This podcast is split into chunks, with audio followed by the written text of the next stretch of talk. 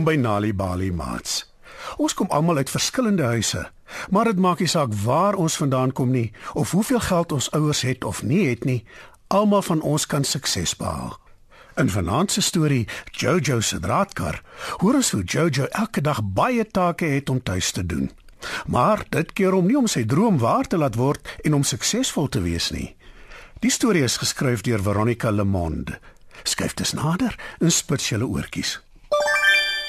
Jojo het skaars enige tyd om te speel. Elke dag moet hy ver loop skool toe en dan weer ver terug huis toe. Na skool, wanneer hy tuis aankom, begin sy vele take. Jojo se mamma is oorlede.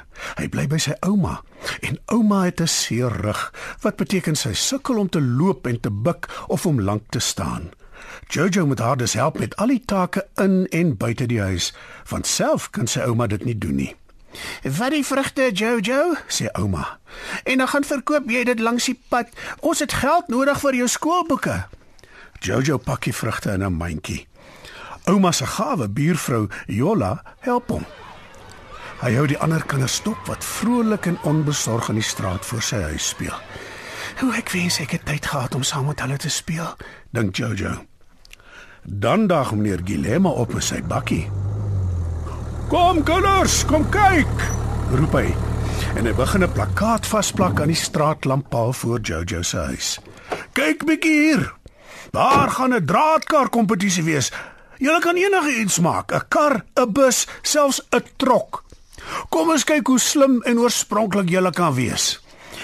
Ons moet ergens draad in die hande kry, roep een van die kinders opgewonde wanneer hy die plakkaat lees. Draadkar kompetisie. Ooh, dit klink opwindend, roep 'n ander kind. En enige kind onder 10 kan deelneem. Kyk net na die pryse. Die kinders maal om die plakkaat rond. Twee jaar se skoolgeld as jy wen.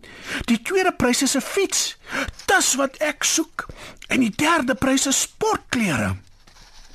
Almal goeie pryse, né? Glimlag meneer Gilema.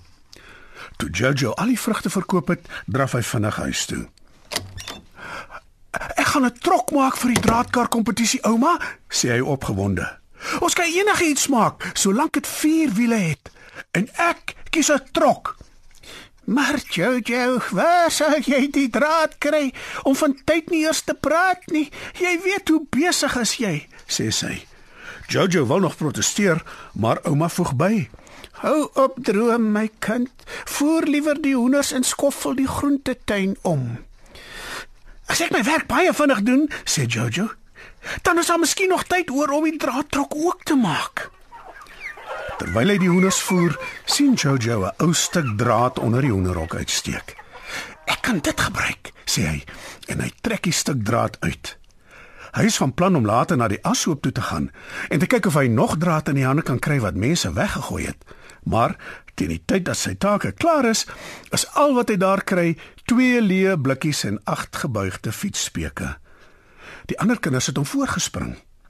Terwyl hy terugloop huis toe, sien hy hoe almal besig is om te bou aan hulle draadkarre. Hulle hamer en hulle timmer, hulle buig en hulle draai. Hulle kyk nie eens op wanneer Jojo verby hulle loop nie, so besig is hulle. Elkeen van die kinders wil die pryse wen. Jojo ook. Maar hy weet hy het 'n agterstand. "Waar kan ek nog draad kry?" vra hy vir Jola. "Ek weet nie," antwoord sy. "Maar ek het vir jou die," sê sy en gee vir hom twee draadhangers. "Baie dankie," sê Jojo. Musa is intussen besig om die draadheining agter Jojo en Jola reg te maak. Terwyl hy werk, laat hy 'n hele rol draad val. "Dis presies wat ek nodig het," sê Jojo. "Ek wonder of hy dit ooit sal mis." "Nee, Jojo," raas Jola. "Jy kan dit nie net vat nie. Dit is so goed so steel." Maar toe kom Musa vrugte koop. "Sal jy vir my van jou draad gee in ruil vir die mango?" vra Jojo. Al weet hy ouma sal baie vies wees daaroor. "Hey, neem jy ook deel aan die kompetisie?" vra Musa. "Ja," antwoord Jojo. "Maar ek sukkel om draad in die hande te kry en ek maak 'n trok, so ek het nogal heelwat nodig." "Ja, ouma het die geld nodig vir die mango," sê Musa. "Maar ek weet hoe hard jy werk om haar te help en daarom gee ek vir jou 'n rol draad vir jou trok en jy kan my tang leen." "Ag, dankie Musa," glimlag Jojo. Kyk ouma, ek kan begin met my trok, sê Jojo toe hy by die huis kom en haar wys. "Is jou huiswerk en jou take?" sê ouma. "Ja, ouma," antwoord Jojo gedwee. En hy wonder of hy ooit sy draadtrok betyds sal klaar kry. Die volgende oggend staan hy vroeg op, soos altyd. Die skooldag voel langer as gewoonlik en Jojo kan nie wag om aan sy draadtrok te werk nie. Op pad huis toe na skool, tel Jojo bottelproppe en stukkies plastiek op wat hy dalk kan gebruik. Die aand, nadat al sy werk klaar is, gebruik hy die fietsspeke om 'n raamwerk te maak vir sy trok. Hy sny die blikkies netjies sodat hulle soos wiele lyk. Dan timmer hy die draadhangers met 'n hamer totdat hulle die vorm het van die twee kante van die trok. "Dis slaaptyd, Jojo," sê ouma. Jojo voel nie vaak nie, maar hy weet van beter en praat nie teen nie. Die volgende oggend is hy min lus vir skool. Alwaar hy kan dink is sy draadtrok. Na skool draf Jojo vinnig huis toe.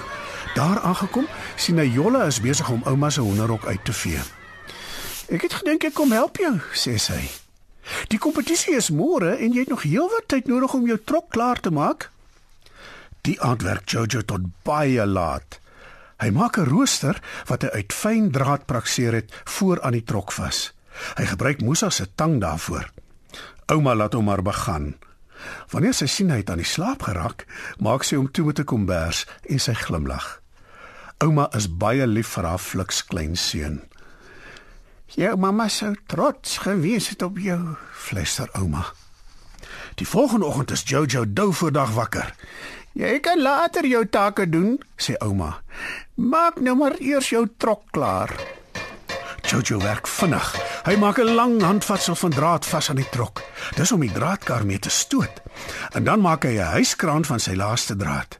Hy het besluit sy inskrywing gaan 'n insleeptrok wees. Al wat ek nou nodig het, is 'n laaste stuk draad om 'n hak te maak waarmee die trokkarre kan aanhak om te sleep, sê hy. Maar ek het niks oor nie. "Vat hier," sê ouma. "Ek glo dit sal perfek werk."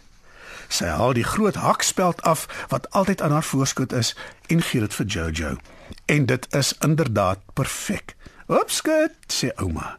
"Jy wil nie laat wees nie." Toe Jojo by die skool aankom, is die beoordelaars klaar daar. Hulle beskou die draadkarre en Jojo sit syne vinnig by die ander neer. Almal wag in spanning op die beoordelaars se beslissing. En dan kondig meneer Gilema aan. Die eerste prys gaan aan Chebe. Almal klap hande. 2 jaar se gratis skoolgeld vir jou seun. Die tweede prys, naamlik 'n fiets, gaan aan Jojo. Hoera vir Jojo, roep Musa. Jojo is oorstelp. Hy dink aan hoeveel tyd hy gaan spaar, want nou hoef hy nie meer skool toe en terug te loop nie. Hy weet ook hy sal nie meer so moeg wees nie. Tuis aangekom met sy nuwe fiets, sê hy vir ouma: "Ek kan my fiets gebruik om take te doen. Dit sal help om vir my skoolboeke te betaal," sê Jojo. Maar hy weet, die heel beste van alles is, hy sal nou meer tyd hê om te speel. Wanneer kinders tuis stories hoor, help dit hulle om beter leerders te word op skool. Vir meer stories om vir kinders voor te lees of vir stories wat kinders self kan lees, besoek ons by www.nalibali.mobi. Daar is heelwat stories in verskeie tale absoluut gratis beskikbaar. Daar is ook wenke oor hoe om stories vir kinders te lees en met hulle te deel sodat hulle hulle volle potensiaal kan ontwikkel. Nalibali is ook op Facebook. Story Power. Bring dit huis toe.